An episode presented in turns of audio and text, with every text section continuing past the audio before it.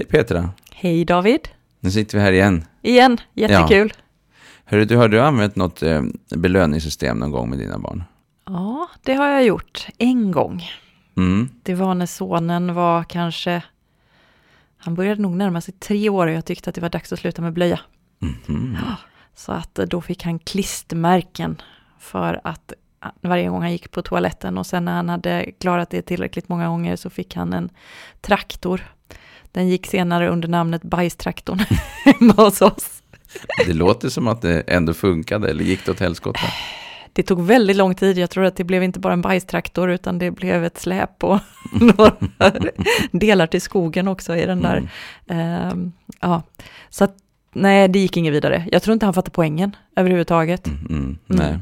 Vilket faktiskt, jag måste berätta en, en jätterolig historia som jag läste Mm. på nätet om en som gjorde samma sak. Varje gång som hennes barn gick på pottan så satte de ett klistermärke på pottan. Mm. Och vid ett tillfälle så skedde en olycka så barnet råkade kissa på golvet istället för i pottan. Och då gick barnet och hämtade ett klistermärke och satte på golvet. Ja, den var rolig. Den är lite gullig tycker Ja, jag. Då har man fint. lite grann missat poängen, tänker jag. och du då Härligt. David, har du testat belöningssystem i relation till Ja, vi barn? gjorde någon orm någon gång eh, Mm. när man skulle jobba med någonting. Eh, och ehm, det funkade väl som det, som det lite grann gör ibland, att det funkar lite initialt. Mm. Och sen så tappar det liksom kraft. Mm. Eh, och eh, vi hade också någonting med, eh, med träning, eh, sån här lite eh, träning för lästräning. Och vid dyslexi, min son. Och eh, där eh, hade vi också någon slags belöning. Men alltså den där träningen är ju så jäkla tråkig. Mm. Så den där belöningen var ju liksom, så att pff, den, blev inget värde i den liksom.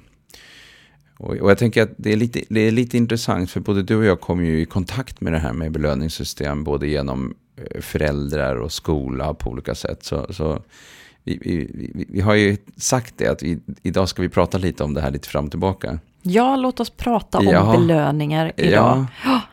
För att det, det finns ju, det är intressant när man tittar på forskningen, för att det finns ju forskning som ändå tydliggör att belöningssystem funkar, åtminstone på kort sikt. Mm. Ehm, och, ehm, eh, och då är det ju en massa kriterier som, ska vara, eh, kriter- kriterier som ska vara uppfyllda för att det ska funka. Mm. Eh, det ska helt enkelt göras rätt. Mm. Eh, Och eh, det är inte så himla enkelt. men fallgroparna är ju gigantiska. Eh, och det är det ena. Sen finns det ju massa underliggande eh, frågor som, som vi plockar upp i den här podden som också handlar om till exempel makt, Mm. Det kan vi återkomma till. Precis. Och jag blir nyfiken med en gång när du säger att det finns forskning som visar att det funkar. Ja, på kort sikt Ja. Mm. och vad har de använt för mått på att det funkar? Det är just att barnet utför beteendet, är det så? Det, det är precis, och Ja. eh, då det är följsamhet. Och det är där som jag vet att både du och jag eh, också har mycket tankar kring det. Mm. Eh, för att ehm, eh, följsamhet betyder ju egentligen lydnad. Ja, det blir ju så. Det Alltså, blir ju så. Mm, Och, jag tänker att det funkar. fast vi tänker inte alltid på att det är så. Men, men det är ju någonstans där det är. Ja. Det är en yttre kontroll Mm. som införs och anledningen till att barnet utför beteendet är att hon gärna vill ha belöningen eller är rädd för att inte gå miste om belöningen Ja, helt enkelt. Ja. Mm. Mm. Vilket är någonting annat än samarbete Ja, det är det. och, och autonomi där man styr sig själv och väljer Mm. själv. Mm. Ja. Så, eh, eh, och där kan man ju skilja de här lite grann, tänker jag också då. Om vi tänker så här, nu ska vi gå till tandläkaren och sen, när vi har varit hos tandläkaren, då kan vi gå och typ göra något. Eller då ska vi gå till McDonalds, eller det är inte så mycket kanske belöning för folk idag. Men, men eller då, ska vi, eh, då kan vi gå till sim, eh, simhallen. Liksom, eller, alltså, och, och då blir det lite grann det här först sedan. Och det är ju inget belöningssystem. Men det är ju någon form av lön för mödan eller, eller, eller någonting som liksom sticker ut. Liksom. Ja, men jag vet att det är jobbigt att gå till tandläkaren och det kan göra ont och allt möjligt. Men sen gör vi det här. Och det är väldigt stor skillnad på först gör vi det här, sen gör vi det här och om du gör det här så gör vi det här sen. Just det. Där finns ju ett villkor inbyggt. Ja. Ja. Mm. För vad händer då om man misslyckas i görandet? Då får man inte det där andra. Nej. Och när man inte får det där andra, det vill säga undan undanhållande, undandragande utav, utav så förmån. Eh, det upplevs ju av barn som bestraffning. Ja. Är helt naturligt, Ja. det är ju samma sak. Mm. Men ofta så tycker jag att föräldrar säger att eh, nej men vi jobbar inte med straff, men vi jobbar mycket med belöningar. Mm.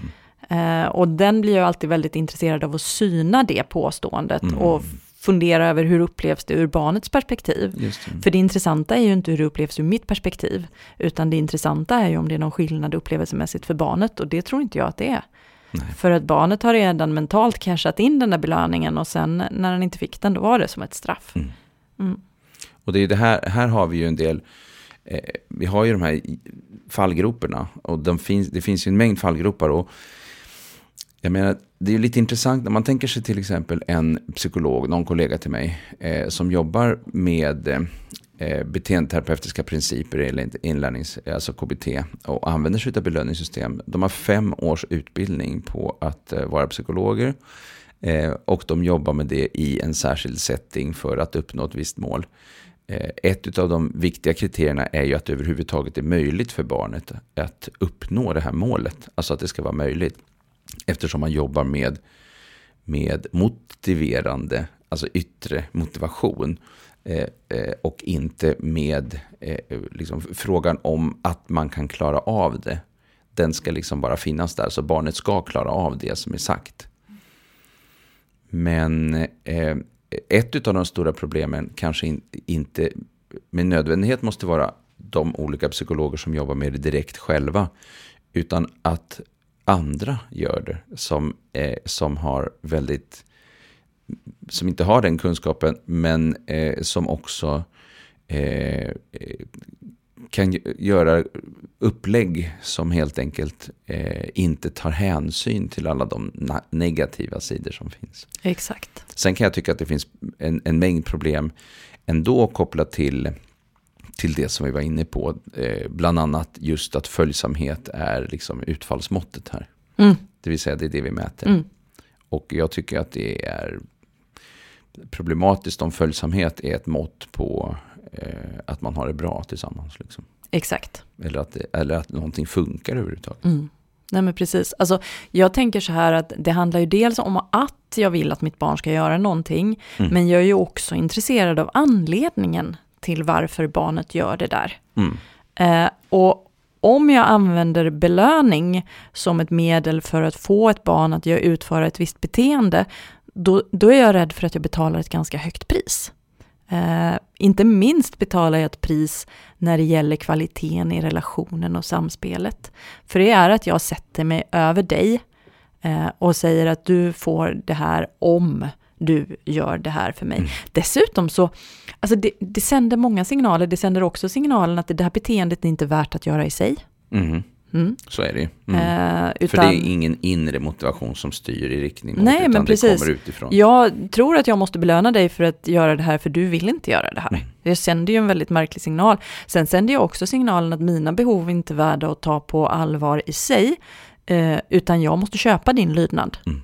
för ett tuggummi, eller en guldstjärna, eller efter tio guldstjärnor ett biobesök. Ehm, så det är väldigt märkliga signaler som jag sänder, tänker jag. Eh, Sen tänker jag att ett stort problem med belöningar är att barnet lär ju sig väldigt lite om varför de ska göra det här. Och det här, nu ska jag berätta en liten historia som jag tyckte var så gullig. Jag Mm. firade nyår hemma hos vänner för ett antal år sedan. Och då pratade jag med en liten pojke, han var kanske tio år eh, på det här nyårsfirandet. Ehm, och så sa han att eh, åh, det blir så skönt på tolvslaget för att eh, då får jag en one piece av min pappa. Mm. För då hade en one piece är ju en sån här träningsoverall som man bara har liksom Hela ja, vägen upp. Ja, liksom. sparkdräkt Mm. för lite större människor. Mm. Eh, Ja, så jag berättar mer. Jo, men min pappa har sagt att om jag inte svär på ett halvår, då ska jag få en one piece. Mm. Så ett par minuter efter tolvslaget så gick jag fram till killen och sa grattis, klarade du utmaningen nu då? Kommer du få en one piece? Ja, det är så jävla gött, för nu får jag en one piece. Och jag tänker att det blev så tydligt här att det liksom, den bakomliggande orsaken till svordomarna, varför man inte ska svära, det är ju Nej. helt gått förlorad. Ja. För så fort som belöningen upphörde så återgick också beteendet Ja. till det ursprungliga. Och det är ju ett stort problem med belöningar överhuvudtaget. Det det. Att de påverkar beteendet initialt, men när belöningen försvinner så tenderar beteendet också att återgå till det vanliga. Ja, och inte bara till det vanliga faktiskt. Nej, utan, det finns till och med till en lägre nivå. till en lägre Ja. nivå. För- och det är det som jag tycker är också intressant, att den långsiktiga, eh, eh, eh, alltså långsiktigt så, så har vi ganska stora problem. Och där finns det en hel del forskning som visar på det. Bland annat gjorde de en gigantisk studie, studie i USA, där de, eh, och nu kan jag inte i detalj, det, det får vi plocka upp någon annan gång kanske, men, eh, eh, där de bland annat eh, gav belöning relaterat till skolresultat på något sätt. Och de hade stoppat in jätte, jätte, jättemycket pengar i den här. Mm. Eh, därför att de ville göra den så stor som möjligt så att det var liksom väldigt, väldigt många elever involverade. Ehm, eh, och eh, slutkontentan av den här gigantiska eh, studien var att det visade att eh, det blev liksom eh, eh, sämre. Mm. Eh, eller lika eller sämre. Och, eh, och det är väldigt intressant eh, att man liksom tillmäter det så stor kraft. Och jag har funderat en del på vad är det som gör att vi tillmäter det så stor kraft.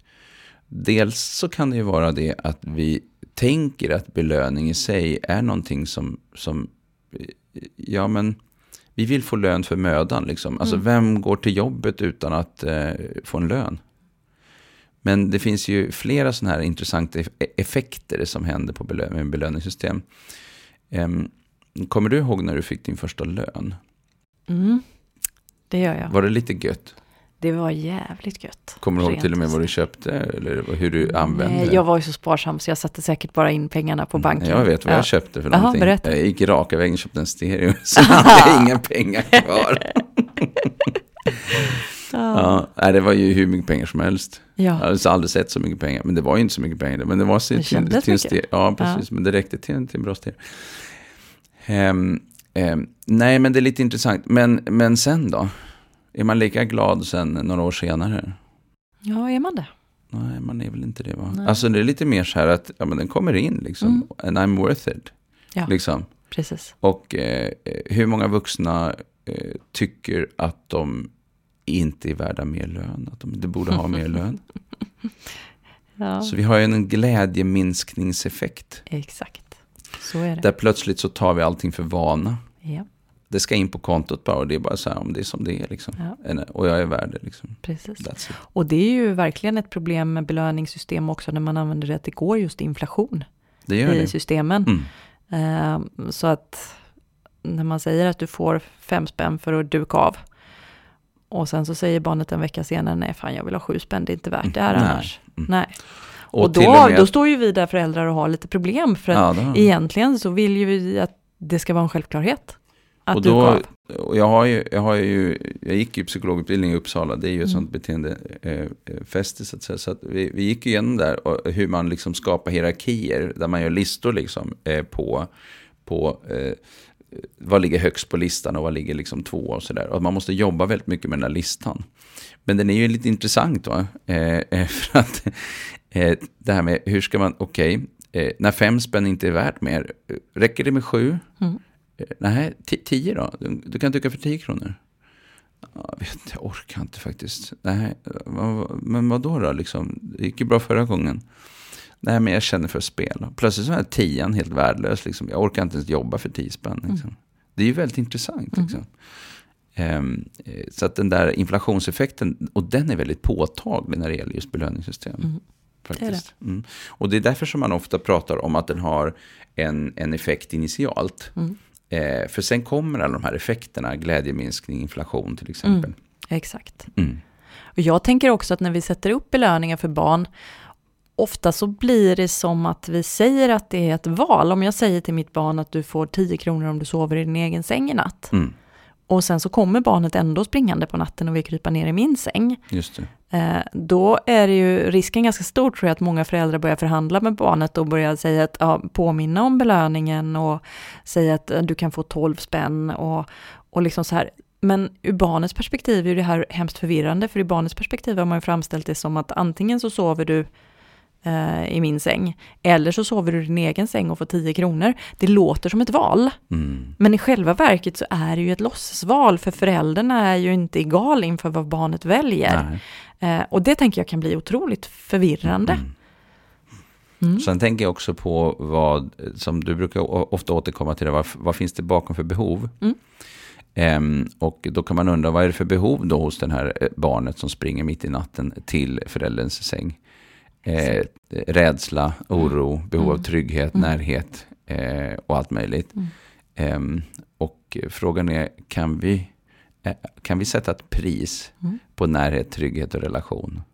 Jag köper ditt behov av trygghet för 10 spänn. Ja. Ja, så kan du bara säga hej då till ditt trygghetsbehov, men du kan ju ligga där och trösta dig med att du fick 10 spänn. Mm. Och det finns en sån enkel lösning, tänker jag på det här egentligen, när man börjar fundera över vad är det för behov bakom om barnet har behov av trygghet. Mm. En strategi för att få det är att barnet sover i din säng.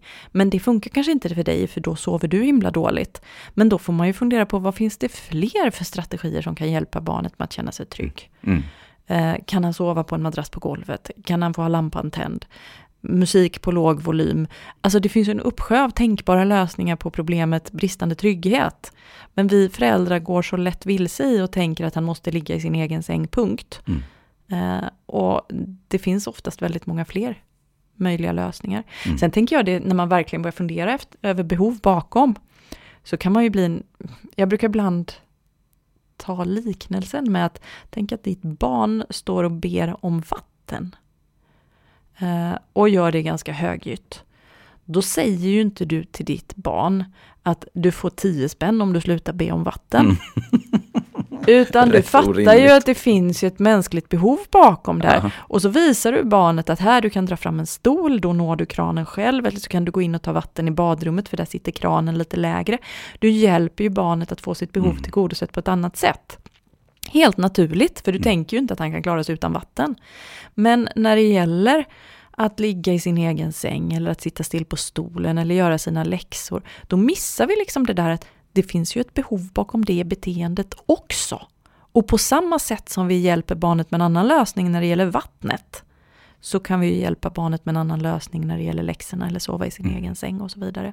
Så det tycker jag är ett stort problem med belöningen, det är att det är som att det styr fokus bort från eh, barnets inre liv. Vi tittar bara på beteendet och så funderar vi över hur kan vi få bort beteendet.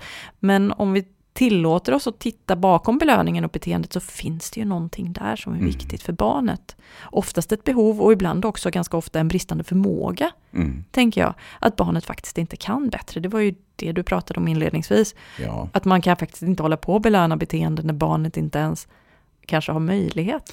Nej, det går absolut inte. Nej. Och det finns ju en kunskap om det. Eh, eh, åtminstone bland de som är så att säga skolade i det. Ehm, eh, att eh, man inte kan bortse ifrån den biten. Men i verkligheten så ser vi massa tokiga Mm. eh, lösningar på eh, där, där barn som inte alls har möjlighet att klara av situationen faktiskt plötsligt tvingas att göra, eh, eller det finns en idé om att de ska göra saker men som de inte klarar av. Nej. Och där Och jag- tror jag att många vuxna tänker, men hon kunde ju igår. Ja. De har sett barnet göra det där beteendet vid något tillfälle. Och så är det som att, fast jag vet ju att hon kan. Mm. Eh, vad tänker du om det David? Ja, men då tänker jag så här, ja, kanske gick det bra då, men var det andra förutsättningar nu? Trötthet, vakna på fel sida, eh, det är någon annan vuxen som säger det, det är rörigt runt omkring, det händer massa saker, eh, man är precis på väg från en situation Mm. till en annan. Eh, barnet har en idé om att han eller hon redan hade tänkt göra någonting då, men sen blir avbruten utav att någon vuxen som vill att man ska någonting när man ändå hade tänkt göra någonting annat. Alltså vi har massvis med omständigheter som påverkar. Exakt.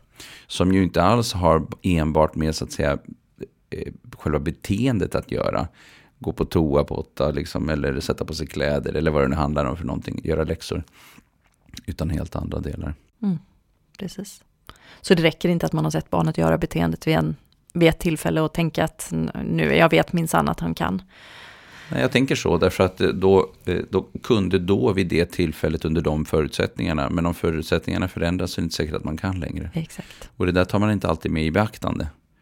Eh, så där har vi liksom ett dilemma. Men jag som har jobbat jättemycket i skolans värld, jag ser ju också hur det används ibland i skolsammanhang. Till exempel så har vi ju olika varianter där man ska lägga typ eh, pärlor i en burk eller kulor i en burk eller popcorn i en burk. Alltså det finns massa olika varianter på det där. Och det kan handla om klassrumsklimat som man ska liksom eh, belönas för. Eh, att man beter sig schysst mot varandra. Att man, eh, alltså, man vill skapa studiero och man vill liksom på beteendenivå. Um, och de här systemen tycker jag är oerhört problematiska. Mm. Berätta mer om det, varför är de problematiska? Ja, men eh, om du till exempel har en hel klass eh, och så säger man att eh, om, ni nu, om vi nu har en lugn period, period här, utan nu ska vi eh, jobba självständigt och eh, det är inga svordomar och ni jobbar liksom på. Då kan vi, då kan vi fylla i med lite kulor här. Och eh, när vi har fyllt upp den här burken, då kan vi sen kolla på film på fredag eller någonting sånt där. Um, och sen har vi något barn, som någon elev, som faktiskt har det väldigt svårt och tufft. Som eh, då typ svär eller som typ lever rövare eller som gör någonting. Då kommer ju plötsligt de andra barnen eller eleverna då att reagera väldigt negativt på den här personen som sabbar deras möjlighet att få se film på fredag. Mm. Så det kan ju leda till att eh, de andra eleverna blir någon form av kontrollanter som liksom ska se till att det här barnet sköter sig. Och det kan ju enbart leda till att de blir mer irriterade på honom eller henne än de redan var innan. Ja, jag är helt förundrad över hur ah. man använder det här. Tänker man att de ska säga, hörru Lasse, jag märker att du har det lite kämpigt nu och behöver mm. röra på dig. Hur kan jag hjälpa dig så att vi får vårt popcorn? Alltså lever vi i den tron att barn mm. pratar så? Det gör vi ju inte. Ja. Utan ungarna säger men sitt nu jävla dampunge eller mm. skärp dig eller du sabbar för hela klassen. Det. Eh, och det här vet ju vi vuxna. Om vi tänker på det. Vi vet att det är den här typen av mekanismer som våra belöningssystem ger upphov till. Och ibland så tänker jag ibland i dystra stunder så funderar jag på, är det det här vi hoppas på? Mm. Jag vill ju inte tro det, men jag har så svårt att få ihop hur man inför ett sånt här system med den kunskapen. Alltså jag kan tycka att det blir väldigt, väldigt cyniskt mm. eh, och det blir väldigt långt ifrån eh, humanistiskt. Eh, när, när man har de här, de här bestraffande mekanismerna är så starka i grupp, och särskilt i gruppprocesser blir det mm. nästan ännu värre. Det är en sak om man gör ett belöningssystem med en individ och mm. sen hela tiden har en dialog kring det. Eh, de är nog så svåra ändå. Men när man gör de här sammanhangen, då ligger det här med kollektiv bestraffning helt mm. eh, hand i hand i, i, systemet. Det går nästan inte att, att inte hamna där. Mm. Och det är det som gör att jag, alltså de här bestraffande effekterna är väldigt problematiska. Och nu har vi fler och fler faktiskt skolor som börjar använda sig av de här typerna av, vi har ju någonting som heter Good Behavior Game som mm. börjar spridas i mycket större utsträckning. Och jag har väldigt, väldigt svårt för den typen av utav ingång där man har, eh, där, där liksom dels de här bestraffande effekterna finns, som man säger att de inte finns, men det gör de, de blir så ändå. Så tittar man på vad, vad eleven själv upplever, de som misslyckas, så, så, så eh, liksom upp, är upplevelsen negativ. Mm. Precis. Um, och Good Behavior Game, det är det som kallas för, också heter PAX i skolan, eller hur? Ja, det är en del i det systemet. Mm. Eh, så det finns olika, um, Ja, just det. Eh, det finns, eh, vad heter det, Positive Behavior, eh, vad fan heter PBS Support. Tappar namnet. Och det, det, är som en del i det systemet och Pax mm. är en del. Mm. Och, men jag har väldigt svårt att förstå hur, hur det kan eh, få så mycket svung. Ehm, och jag kan förstå att det finns en oro för hur man ska få till det med studieron. Mm. Men frågan är vilka metoder har man mer använt sig av innan man börjar med det här. Mm. Och jag uppfattar på många skolor att man inte alls har jobbat systematiskt med de andra sakerna som man vet kan vara effektiva. Mm. Eh, utan liksom plockar upp den här bollen ganska snabbt för att den, den ser liksom så clean ut på något sätt. Mm precis. Men, den, men, men, det finns också forskning som visar att eh, det inte, alltså att det, det finns effektivitet i de där. Eh, eh, forskningen visar att, att det kan hjälpa för studiero. Men eh, det hjälper inte, jag vet inte, ett antal procent blir liksom inte hjälpta. Alltså typ kanske hjälper till 85 procent. Eller det är någon sån här siffra, jag kommer inte ihåg exakt. Men, och det betyder att de här som har det allra, allra svårast. De ligger i de där, där det inte liksom funkar. Alltså de här procenten som som får svårt i de här systemen. Mm. Och, och tänker... det är ju de här med, med neuropsykiatriska funktionsnedsättningar och andra typer av svårigheter. Så att här har vi verkligen ett, ett jättedilemma tycker jag. Mm. Mm. Och även om de klarar det så ligger de ju då på gränsen till sin förmåga hela tiden. Det är slitsamt för dem. Mm. Och så smäller det av på rasten sen istället. Så kan det vara. Um, så att vi behöver vara uppmärksamma på att det som ser ut som samma krav för alla är inte samma krav för alla för att elever har olika förutsättningar helt ja. enkelt. Ja. Och jag tycker det är så märkligt för vi har lika behandlingsplaner och vi har mm. antimobbningsteam och vi har massa grejer. Samtidigt så, så institutionaliserar vi det här i mm. skolan som är att liksom bygga på mobbingens mekanismer. Ja, mm. det, det, är helt ja, det är svårbegripligt. svårbegripligt faktiskt. Men du David, det finns eh, forskning om belöningars effekt på inlärning och så här i skolan också, eller hur? Känner du till den forskningen? Um, eh, ja, jag läste någonting, nu kommer jag inte ihåg i detalj. Mm. Eh, var du mera, hade du något mera? Ja, men jag vet att eh, man har ju gjort studier där man har tittat på effekten av belöningar på eh, lärandet.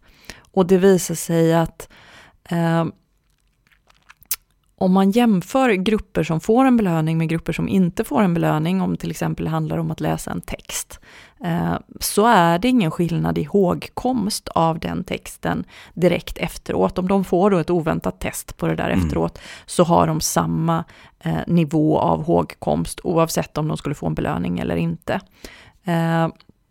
Men det som visar sig, det är att man har uppfattat texten olika, man har lärt sig texten på olika sätt. Så de som fick en belöning, de har memorerat texten. Men de har också glömt den mycket fortare, det är liksom töm och glöm. Eh, men de som fick i syfte att läsa, eller i uppdrag att läsa texten för att ja, läs den här och, och se om den är intressant. Ja, ja, mm. De har ju då en vecka senare en mycket högre hågkomst, men också en, en större konceptuell förståelse för mm. texten mm. som de har läst. Det är också intressant. Och det är intressant, mm. tycker jag. Att eh, inlärningsmässigt så finns det problem. Ja. För att det vi vill komma åt är ju det långsiktiga. Mm. Eh, både kunnandet och förståelsen. Mm, precis. Och man vet ju att belöningar har eh, negativa effekter på det som kallas för eh, intrinsic motivation på engelska, eller inneboende motivation brukar ja. jag eh, översätta det till. Och en del säger inre motivation ibland. Ja, det fast det är egentligen konstigt. fel. Ja, jag håller med. För att det, det, är just den här inneboende motivationen som handlar om när jag gör saker bara för att det är kul att göra mm. de här mm. sakerna. Mm. jag bygger lego för att det är så himla njutbart att bygga mm. lego, mm. till exempel. Inre motivation kan ju också vara att jag eh, pluggar på ett prov för att då har jag möjlighet att sen komma in på tandläkarlinjen och mm. tandläkarlinjen är mitt högsta mål i livet. Mm, mm. Det är också inre motivation, men det är inte inneboende motivation, för där, det blir en form av instrumentalitet i det. Eh, och man har ju visat då att när man belönar beteenden för vilka det finns en inneboende motivation, så minskar den inneboende motivationen när man belönar beteendet. Så att om du får en belöning för att bygga lego så tycker du det är lite mindre roligt att bygga ja, lego eh, nästa gång du ska bygga lego. Mm. Om du får en belöning för att eh, rita eller för att eh, läsa en bok mm så tycker du att det är mindre roligt mm. nästa gång du gör det. Och det här tänker jag är så viktigt att vi föräldrar och även i skolan har med oss. Att vi gröper ur, vi sänker den inneboende motivationen genom att belöna den mm. sortens beteende. Uh, och jag tänker på de här läs, uh, liksom läs uh, belöningarna som finns. Att ja, men man får läsborgarmärket och mm. man får en belöning, man får sätta upp en stjärna på tavlan när man har läst sig och så många sidor. Men målet för oss som föräldrar och pedagoger, det är väl inte att barnen ska liksom läsa för att få en stjärna, utan det är ju att de ska läsa för att det är en sån underbar men värld att befinna sig i bokens värld. Och det undermineras. Mm. Ja, det är ju intressant alltså att man bygger sådana system. Mm. Och jag tänker att eh, man har någon slags idé av den vuxne som inte skulle gjort massa saker om det inte var för att man fick betalt för det. Mm. Men det stämmer ju inte helt heller.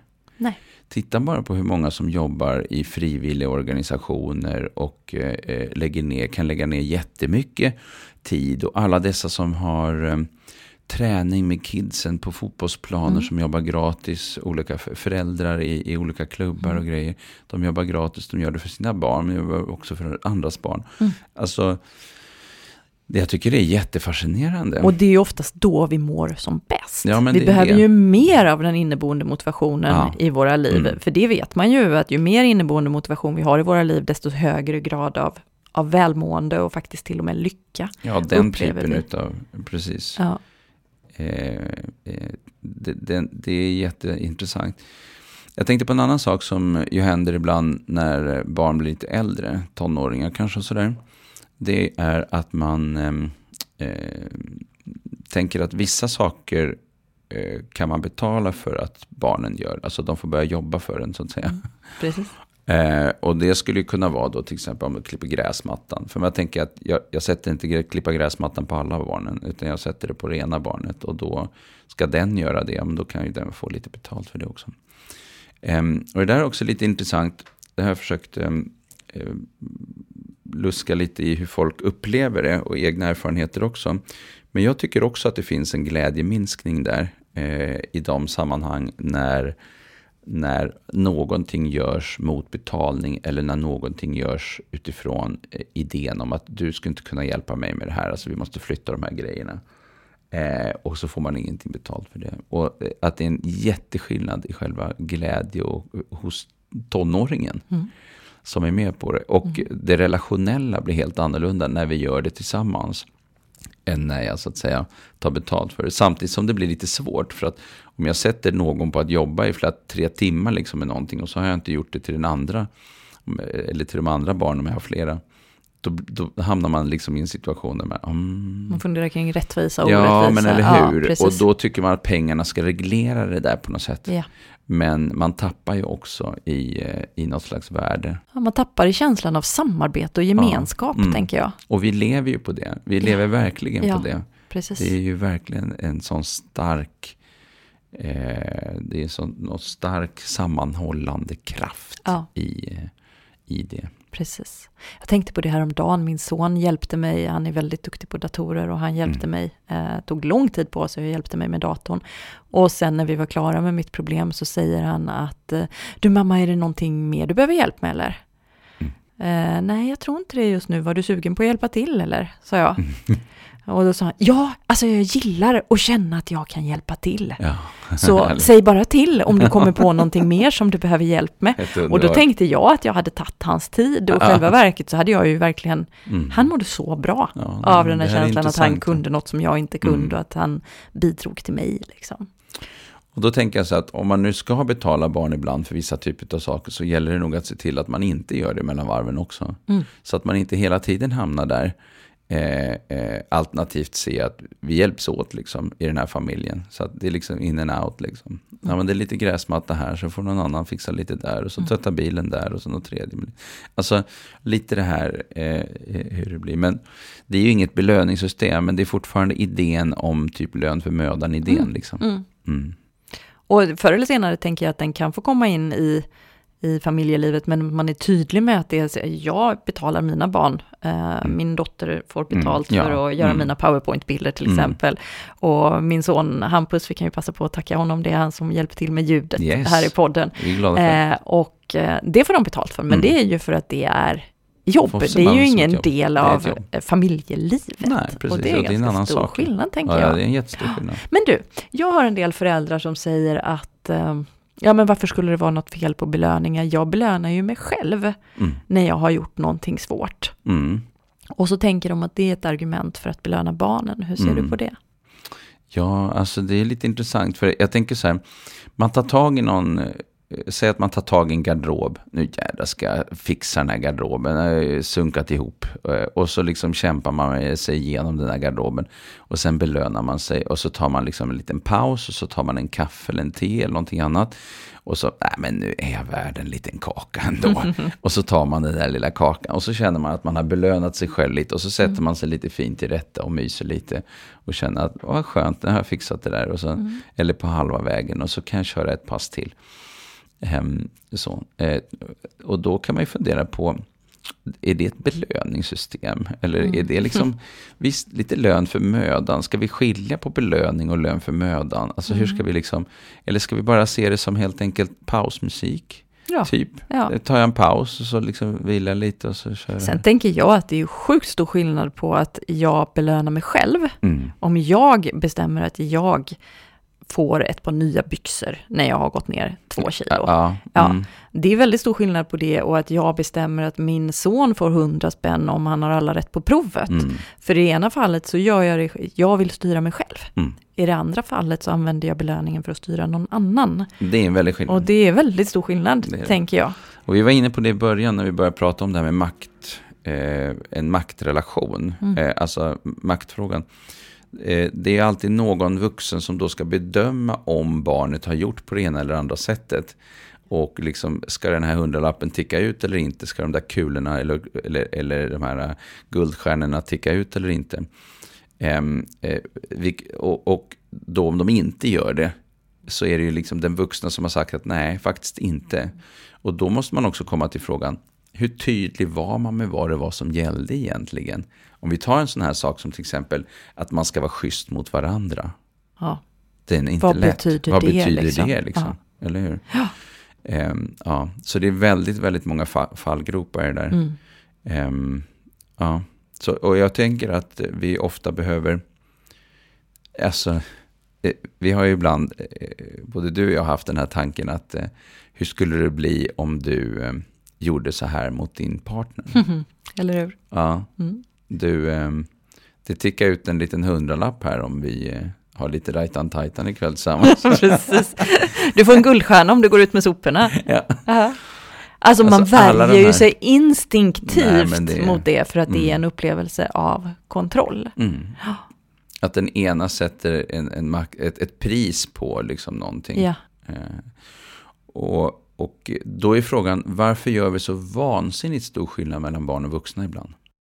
Ja, vad är det det handlar om? Ja, det är intressant. Alltså. Det har ju någonting med barnsyn och människosyn mm. att göra, tänker ja. jag. Och vi tror att barn...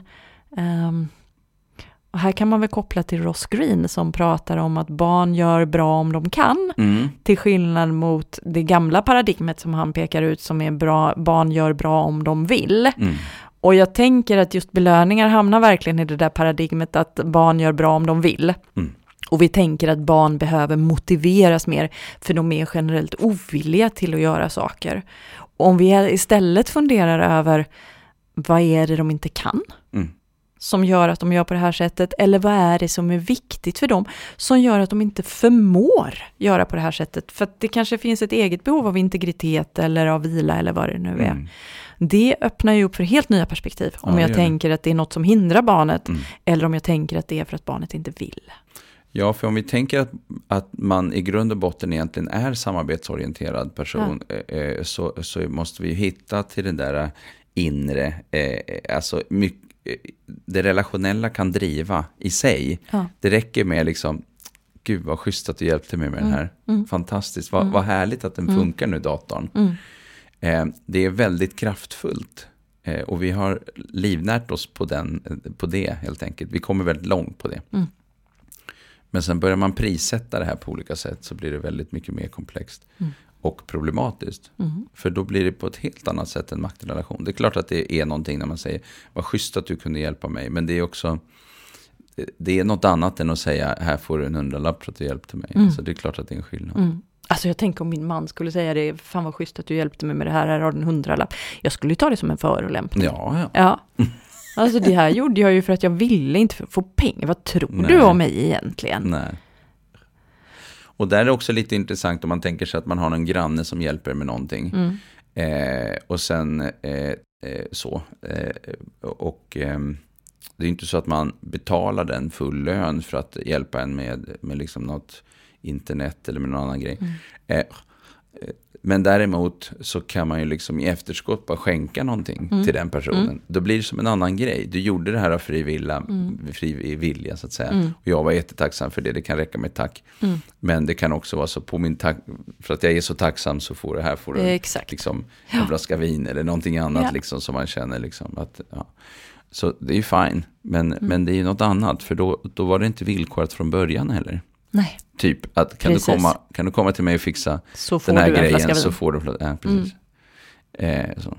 Nej du, jag kan fixa en egen flaska vin, det är lugnt, jag har redan några Det stycken i blir som ett Alltså, val det liksom. Ja. Ja. Så det, är- det är många olika delar i det där. Så fort vi börjar bryta ner och börjar tänka i relation till hur vi har det som vuxna. Mm. Så blir det också ganska intressant. Varför gör vi så vansinnigt annorlunda med barn? Ja. Och eh, varför tycker vi att det är helt okej att vi har den typen av maktrelation Mm. till barn. När vi inte tycker att det är okej i någon annan typ av relation. Eh, så.